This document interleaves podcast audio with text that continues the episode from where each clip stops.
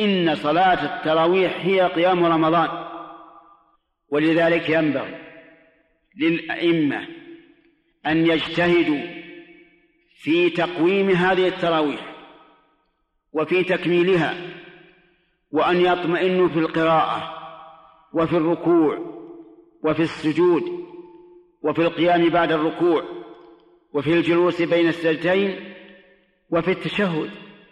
حتى يمكن الناس من الدعاء من الذكر.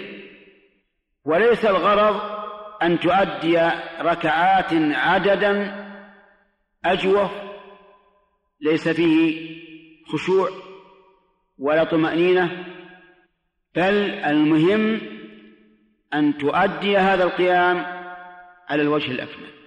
فعلى الأئمة مراعاة ذلك.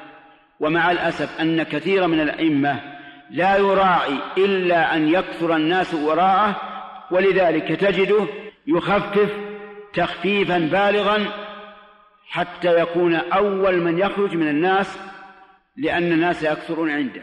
هذا غلط. مراعاة الأفضل في القراءة في الركوع في السجود في القيام بعد الركوع في الجلوس بين السجدين في التشهد هو الأفضل.